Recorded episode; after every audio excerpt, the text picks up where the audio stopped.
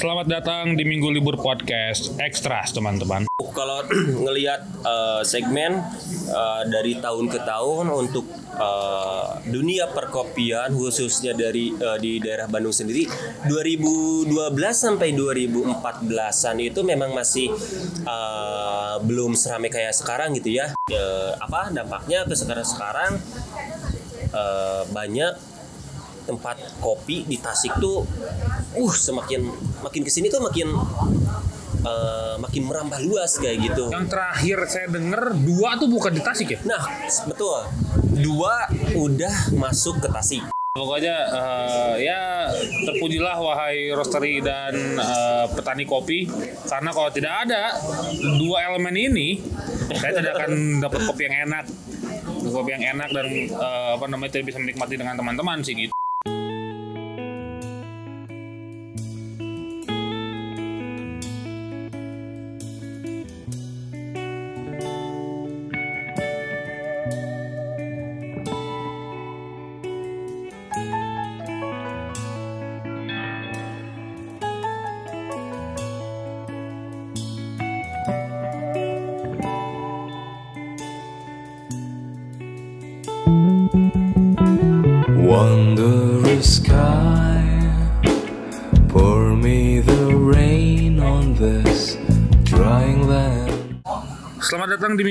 Podcast Ekstras.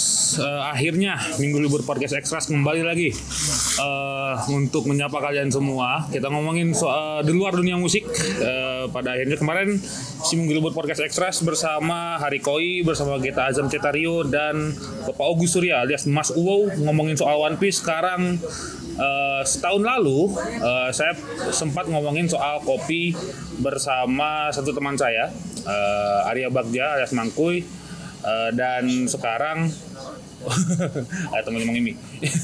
nah, sekarang eh, si Minggu Libur Podcast Extras kembali lagi ngomongin kopi. Eh, sekarang bersama sahabat saya Roastery Kopi eh, handal pokoknya manusia ini eh, yang mengajak pokoknya yang eh, mem- apa ya, mengembangkan eh, tempat tongkrongan saya jadi lumayan keren lah pokoknya dengan kopi-kopinya beliau.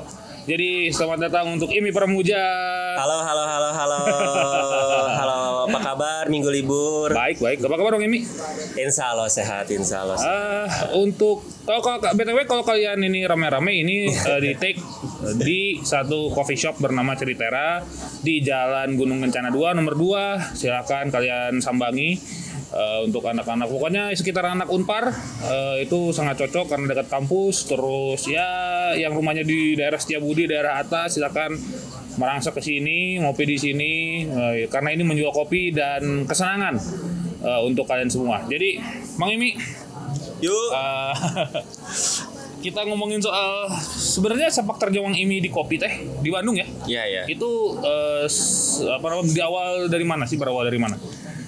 Eh, pertama kalau untuk terjun eh, bergelut di bidang kopi itu berawal dari tahun 2012. 2012. 2012. Pertama banget ya itu ya. Itu pertama banget 2012. Pertama eh, 2012 tuh eh, kerja di salah satu kedai sederhana di daerah Bandung. Halo halo halo halo Mas Le, sehat sehat. Kumaha ada Bang? Insya Allah sehat, insya Allah sehat. Pergi dulu lah. Siap siap siap. Lanjut bang. di salah satu kedai sederhana di daerah Dago eh, sempat jadi barista di sana dari 2012 sampai 2015 Hmm, kayak iya, iya, iya. Gitu. 15 sampai 2015 terus eh, lanjut ke Nah dari 2015 tuh eh, saya eh, sama teman-teman waktu itu selepas ngebar sempat buka kedai sendiri.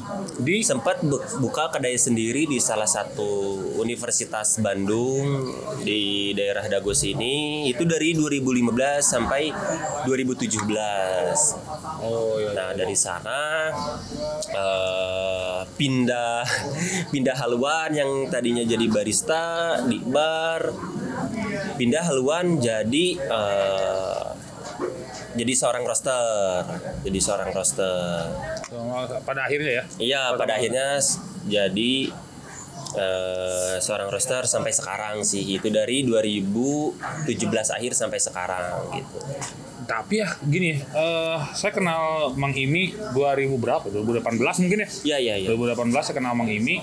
Eh, saya kenal orang ini dan ternyata ini orang ini bukan di apa dibentuk dia nger- eh, apa namanya ilmu roastingnya itu dibentuk dari pengalaman. Iya iya. Gitu dan sebenarnya ngerosting di mana aja Mang dulu?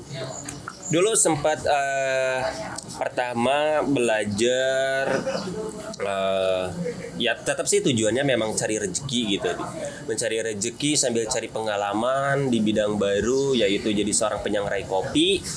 Pertama itu eh, di daerah ujung burung sana di Bandung Timur pertama ngerosting itu di eh, nama roasterinya Coffee Love Story. Coffee Love Story. itu pertama gitu. Itu di sana dari 2017 akhir sampai 2019 2019 pertengahan 2019 gitu.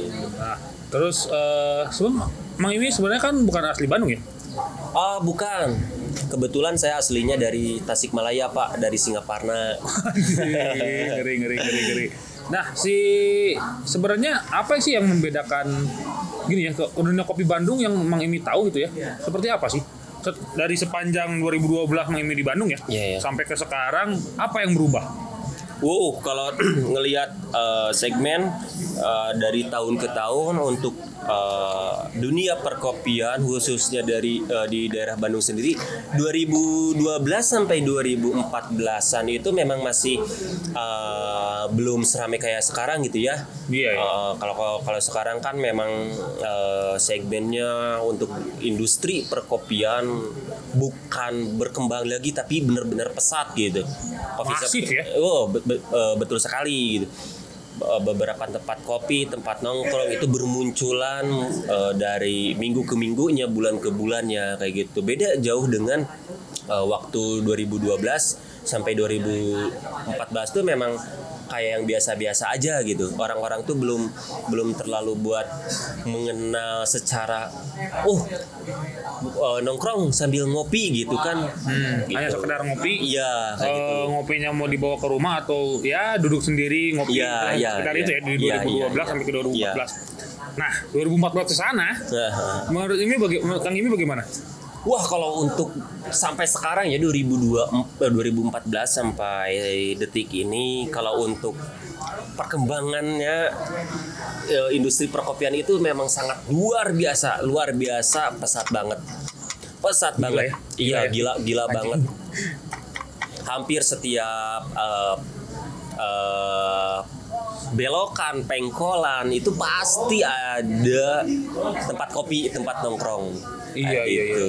Atau mungkin karena kultur orang Bandung yang suka nongkrong mungkin. Nah itu salah satunya, itu salah satunya kenapa kalau untuk di Bandung sendiri eh, banyak eh, para eh, investor atau para pembisnis, apalagi untuk sekarang-sekarang lebih eh, tertarik untuk membuka usaha kuliner khususnya dalam industri perkopian kayak kayak gitu. Apalagi untuk eh, wilayah Bandung, Bandung itu kan orang-orangnya tuh eh, istilahnya suka nongkrong gitu ya. Nongkrong itu mulai dari nyari tempat yang ditemani eh, seperti eh, enaknya kan nongkrong sama ngopi Iya. gitu kan mulai dari untuk ngumpul-ngumpul ngerjain tugas dan lainnya juga kayak Dan gitu. juga kebanyakan eh, yang di sini ada segmennya anak muda ya. Iya iya iya iya.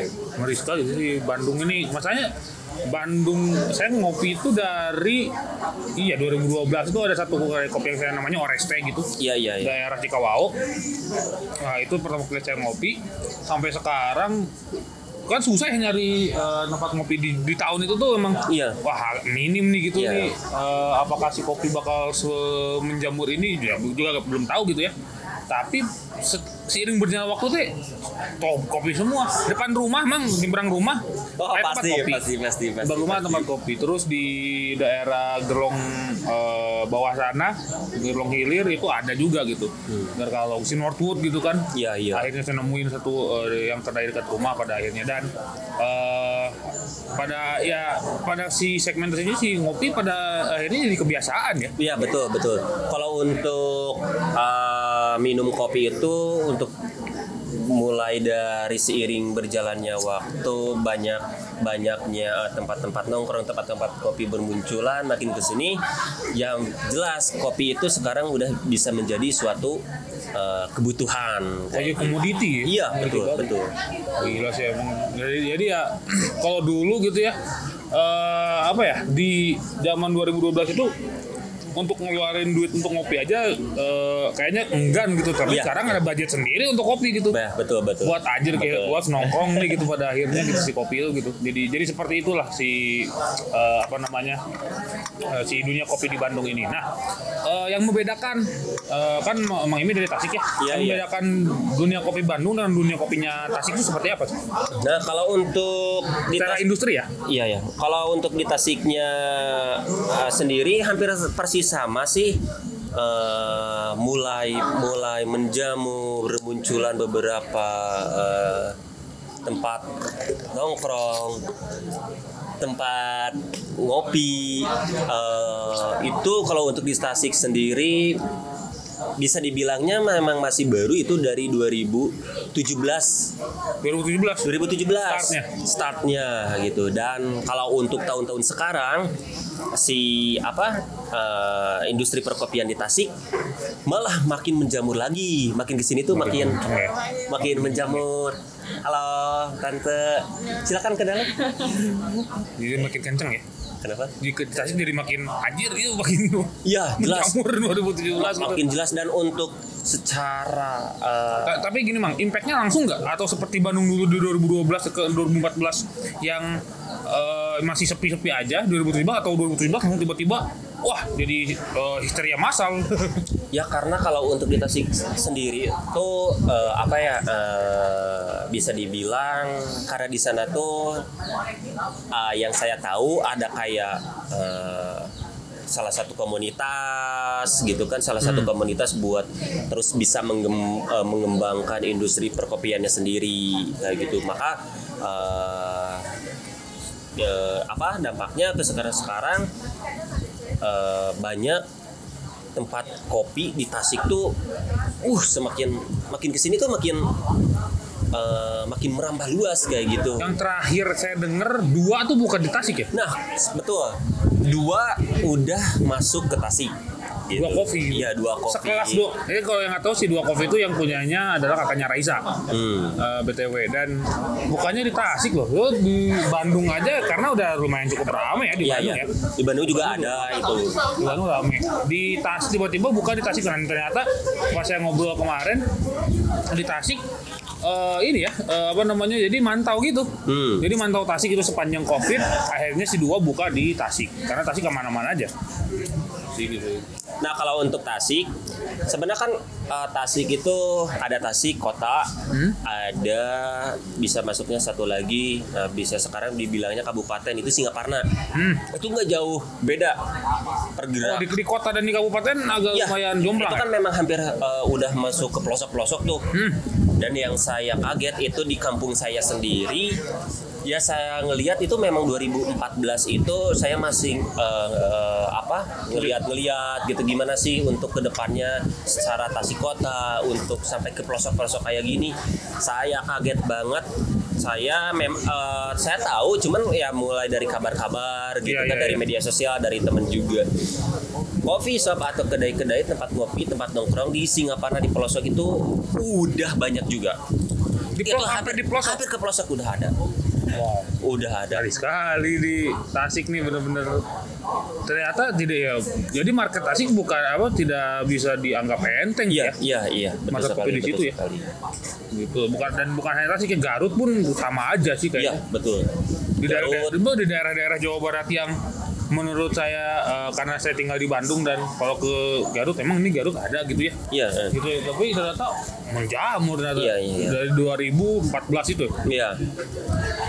ngeri banget lah itu ya dan yang membedakannya itu sih karena eh, apa ya si ah, mungkin saya bukan hanya segmen pasar ya bedanya adalah lebih cepat tasik sebenarnya Hmm. karena ya eh, si Bandung harus penyesuaian lama sampai 2014 Iya, di iya. dua tahun itu baru eh, di 2014 tiba-tiba rame si Iya, skena kopi Bandung betul, itu betul, tapi betul. ketika di Tasik 2014 sudah ada di pelosok Iya. itu itu yang membedakan adalah kecepatan si marketnya ya Iya, betul, betul, betul. Oke sih tapi benar-benar nih Tasik eh, bukan kaleng-kaleng lah istilahnya. Ya kalau untuk Tasik sampai ke pelosok kayak eh, masuk Singaparna dengan harga satu gelas 15.000 sampai 20.000 itu masih tetap tetap masuk itu daerah pelosok hampir sama gitu maksudnya untuk secara harganya Dengan juga harga yang seperti itu iya ya. iya Wow, gitu anjir gila sekali. Padahal kalau di sini ya di sini kan berarti harus apa namanya eh, si harganya pun udah markup ya? Iya iya di Tasik ya. Bukan hanya si market kopinya yang aja gede banget. di market kopinya yang eh, tiba-tiba cepat ternyata eh, penyesuaian harga juga Tasik oke juga gitu iya ya. betul betul dengan harga segitu gitu ya untuk kopi segelas lima belas ribu untuk di pelosok kayak wah biasanya agak sungkan karena wah ini kemahalan nih gitu ya kan bahkan rata-rata kalau untuk ke pelosok ya gitu Iya. eh, ke pelosok khususnya di daerah eh, Singaparna udah hampir, masuk ke kampung-kampung itu dengan harga 18.000 standar itu udah pada berani berani gitu berani wajib wajib hampir sama sih kalau untuk Gokil. ngelihat ngelihat ngelihat perkembangan eh, perkembangannya sendiri Iya. kalau untuk eh, di pelosok di Singaparna itu Hmm? Memang ngelihatnya kan secara secara ininya memang kayak ngelihatnya eh, kayak pasar-pasar di Bandung. Iya, iya, iya, iya, iya. Kalau untuk oh berani nih ngopi di sini dengan harga dengan harga 18.000 20.000 karena eh, tempatnya gitu kan. Hmm. Karena untuk Tasik dan Singaparnya sendiri tidak mau kalah secara konsep untuk- atau tempat dengan yang di Bandung dengan yang di Bandung kayak gitu. jadi kalau kata orang saya diadankan sekalian Nya. Nya. Oh, kayaknya tidak menyangka sih Tasik bisa se mengerikan ini si pergerakannya ternyata Iya. sih. itu itu itu itu yang eh, saya kaget gitu. Nah eh, ini ya segmen satu ya. Eh, jadi eh, segmen dua nanti kita akan ngebahas soal personal brandingnya Mang Imi. Eh, jadi segmen satu yang bisa ditarik adalah jangan meremehkan kota yang eh, apa namanya yang sub eh, urban ya, hitungannya suburban gitu, eh, yang meremehkan itu dan ternyata eh, apa namanya yang bisa kita tarik adalah marketnya mau di mana pun kopi gitu ya, ketika sudah ada market pusatnya, market yang lain tinggal mengikuti saja Ya ya. gitu loh dan sangat-sangat kaget ketika eh, harga yang ditawarkan 18.000 untuk kopi eh, itu masih dibeli oleh orang-orang di Tasik sana begitu. Betul betul betul. Ya kita eh, rehat dulu sejenak, minggu libur we'll be right back.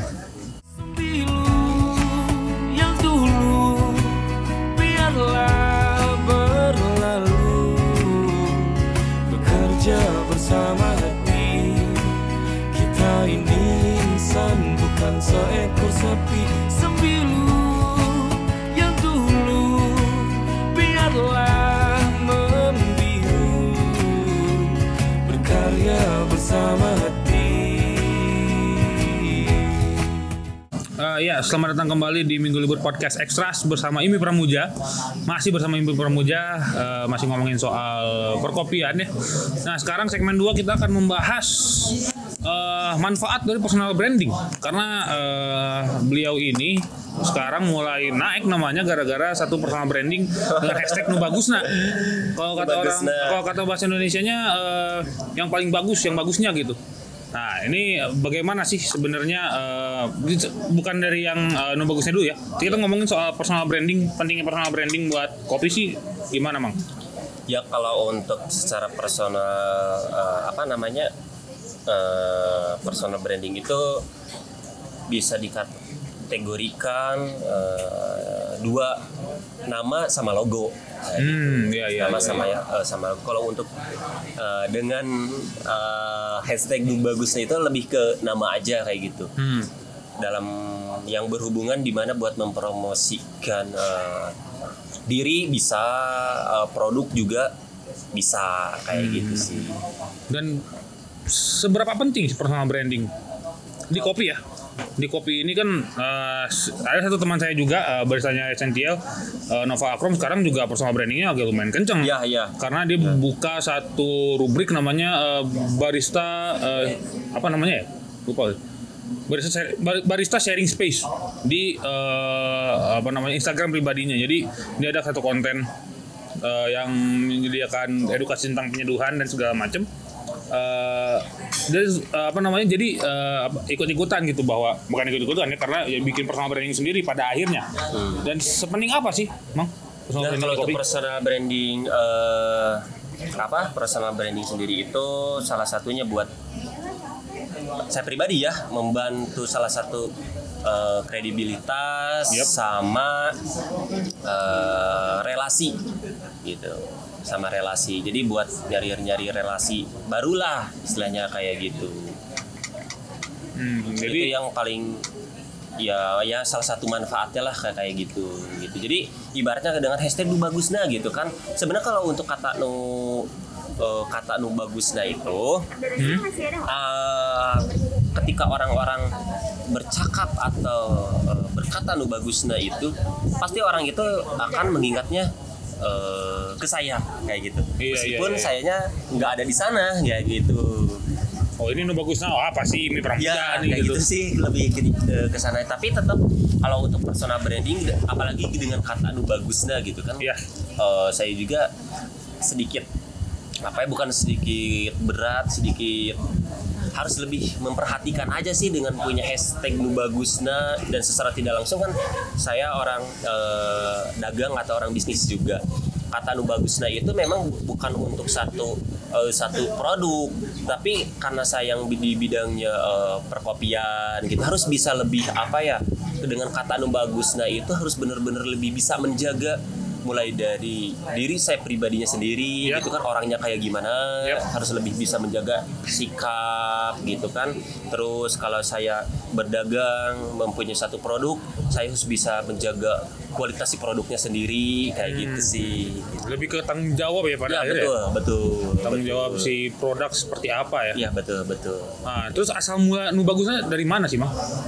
asal mula kata nu bagusna wah jadi jadi kemarin eh, kata nu bagusna ini memang eh, baru-baru gitu ya saya bikin kata nu bagusna itu ya secara eh, langsung aja gitu waktu itu tuh lagi sama teman lagi latihan kopi gitu ya lagi Parit, parit. Oh iya, ya sama teman saya namanya Farid itu lagi latihan gitu kan, lagi latihan kopi, bikin latte art, eh, gambar-gambar kopi.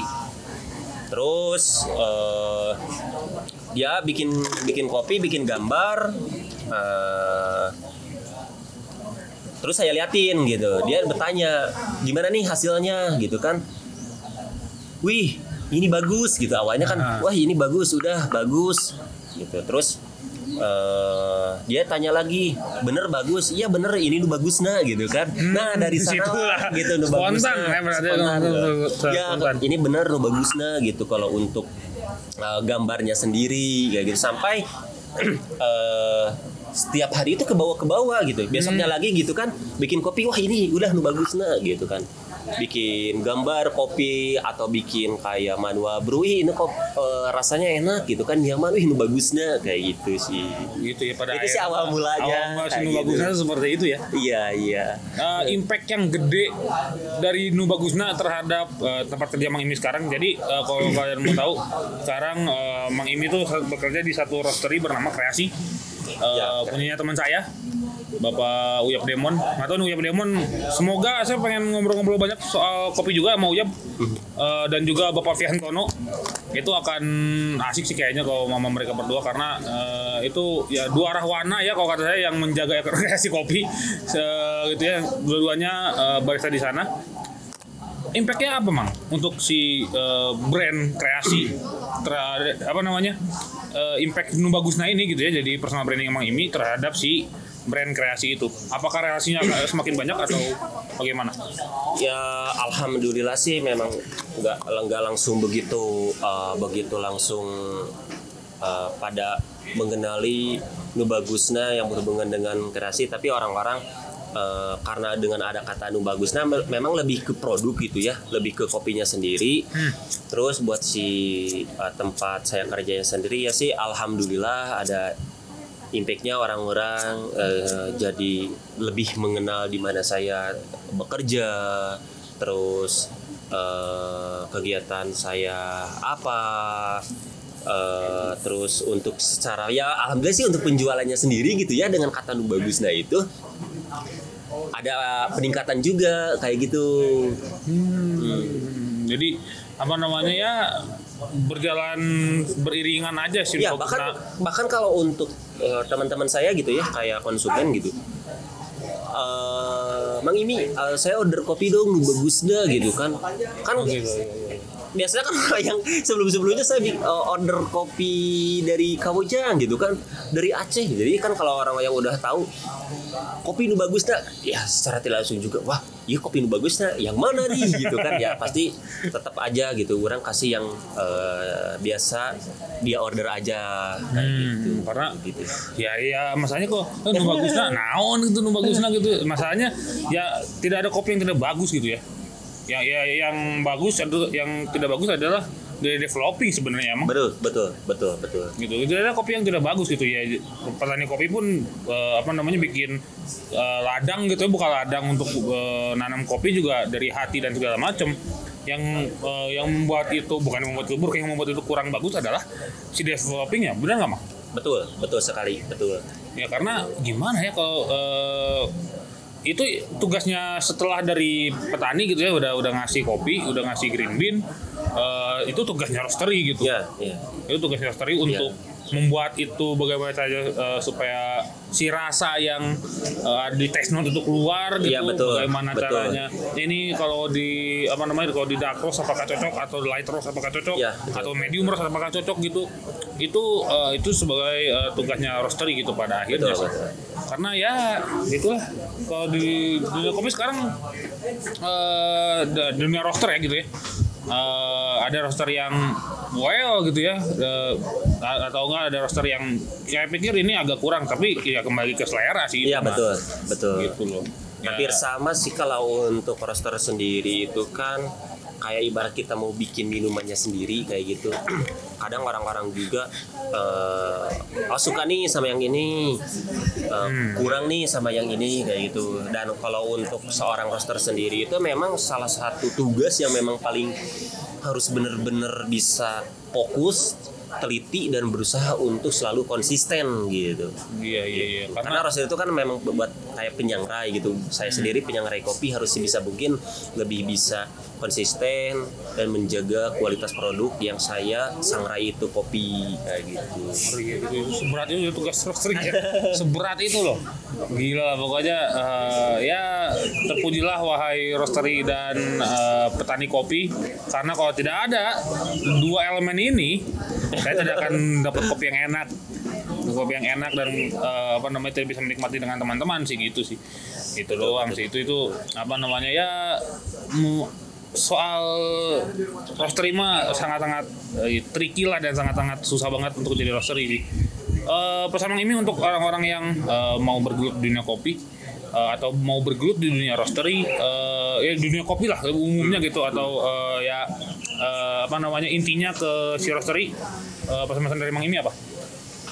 Kalau untuk pesan bukan pesan sih maksudnya lebih ke ya eh, pengen lebih menceritakan aja kayak gitu. Kalau untuk di ini untuk roaster, ah, roastery atau apa? Dunia kopi dulu deh, anu yang masuk ke dunia kopi eh, orang yang eh, bisnis punya bisnis gitu ya, baru gitu. Hmm. Eh, itu dulu deh, yang punya bisnis baru dulu deh. Ah, kalau untuk Baru kita ke eh, roastery. Nah kalau untuk yang udah kayak baru terjun gitu ya mulai dari pembisnisnya atau pekerjanya sampai ke pekerjaannya gitu. Harus bisa lebih apa ya bisa lebih mempertahankan aja sih. Mulai dari eh, produknya eh, pelayanannya dan kekonsistenannya sendiri kayak gitu. Harus apa sih kalau untuk jam sekarang mah harus punya ciri khas lah. Iya. ciri khas kayak gitu. Ciri khas Gitu. Untuk yang roastery, kalau untuk roastery apalagi kalau untuk di Bandung sendiri ya. Jangankan di Bandung khususnya di Bandung deh.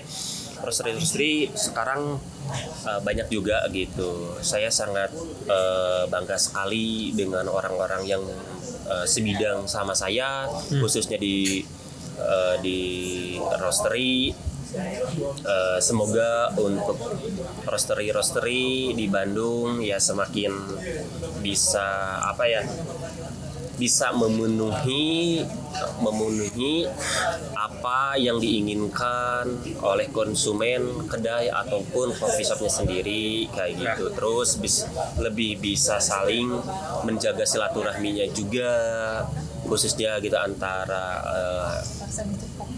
kafe atau kedainya sendiri, roastery sama roasterinya sendiri kayak gitu sih. gitu ya. Itu tadi eh, pesan dari Mang Impor Muja untuk ya eh, yang punya bisnis kopi dan juga roastery.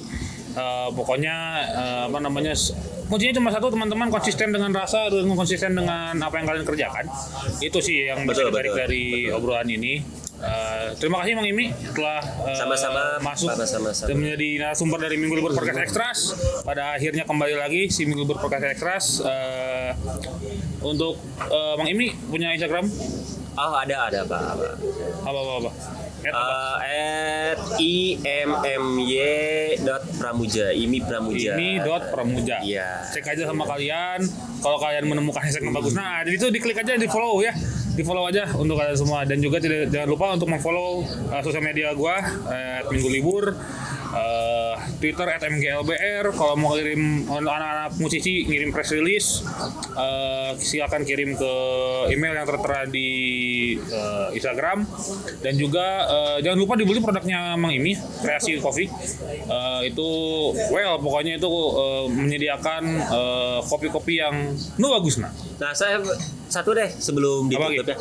Buat teman-teman yang memang uh, pecinta kopi atau coffee lovers atau yang memang uh, berkegiatan atau bergelut di bidang kopi, boleh kapan-kapan uh, kalau ada waktu kita bisa uh, sharing-sharing, ngobrol-ngobrol, bercerita soal kopi juga mulai dari ya berhubungan dengan uh, dunia perkopian aja kayak gitu. Oke. Kayak gitu. oke sekali lagi terima kasih Mang Imi dan terima Oke, kasih juga sama-sama. dan terima Pak kasih Minggu juga yang mendengarkan Minggu Libur Podcast Extras di mana pun kalian berada tetap selalu stay healthy wash your hands stay safe everybody use your masker everywhere teman-teman uh, Minggu Libur sign off goodbye And nobody's in the crowd, I think we'll stay.